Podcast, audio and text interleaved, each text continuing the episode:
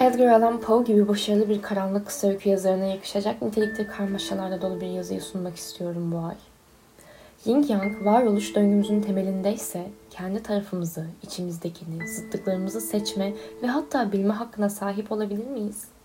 Yetkinlik dediklerimizin zihnimizin kuytu köşelerindeki artıklardan beslenen dışı süslü kurtlardan oluşmadığını bize kim kanıtlayabilir? Kazanılan her değerin özünde kaybedilen masumluklar yatar.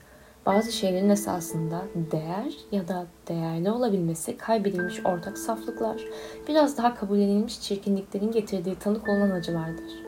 Karşılıklı fayda, ortak kaybedilmişliklerin sonucunda edinilen yoğun hislerin sevişmesinden doğar. İnsan ruhu yırtık gelinlikler giydirilmesine ve kanlı tırnaklara sahip bir fare görüntüsüne rağmen bele bağlanmış, kalın satenden kırmızı bir kurdelenin soyutlaşmış versiyonu olabilir.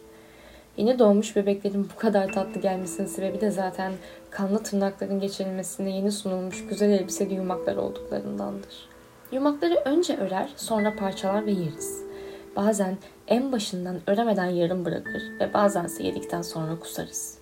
Tekrar kuruyamayan yumakların kendi kendilerini parçalayıp kurutmaya çalışmasını izlerken acınası bir haz duyar ve sorumluluk almayız. Peki ya sorumluluk nedir? Sahip çıkmak, kabul etmek, hiçbir. Yin Yang'ımızın kişisine göre şanssızsak belli bir kesitinde hala plakta oynayan ve daha da şanssızsak veya takılmış olan minik bir cızırtıdır.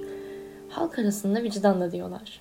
Bütün duygu ve düşüncelerin tek kalbin etrafında dağınık bulutlar şeklinde gezinmelerinin verdiği derin huzursuzlukla takılan gaz maskeleri belki tam olarak bu cızırtıya protestodur. Bulutun içinde kaybolmadan gezinmek için kendimizi bağladığımız ipleri nasıl seçiyor, nereye bağlıyoruz? Ya hayatta delirdiğini düşündüğümüz insanlar en nihayetinde ipsiz yüzmeyi öğrenmiş ve bunu paylaşamamak için kendi aralarında ipsiz yaşamayı getirmişlerse? Buna yalnızlık deniyorsa ve esasında bile gizli geliştirilmiş iletişimler yatıyorsa ruhlar aslında gerçekten yalnız kalamaz. Sadece öyle olduğunu anımsar ve kabullendiğini zannederek kendini kandırır. Çünkü aslında hepsi saten kurdeleyi parçalamanın derdindedir ve bunun için yeni bir tane yaratmaya ihtiyaç dahi duymazlar.''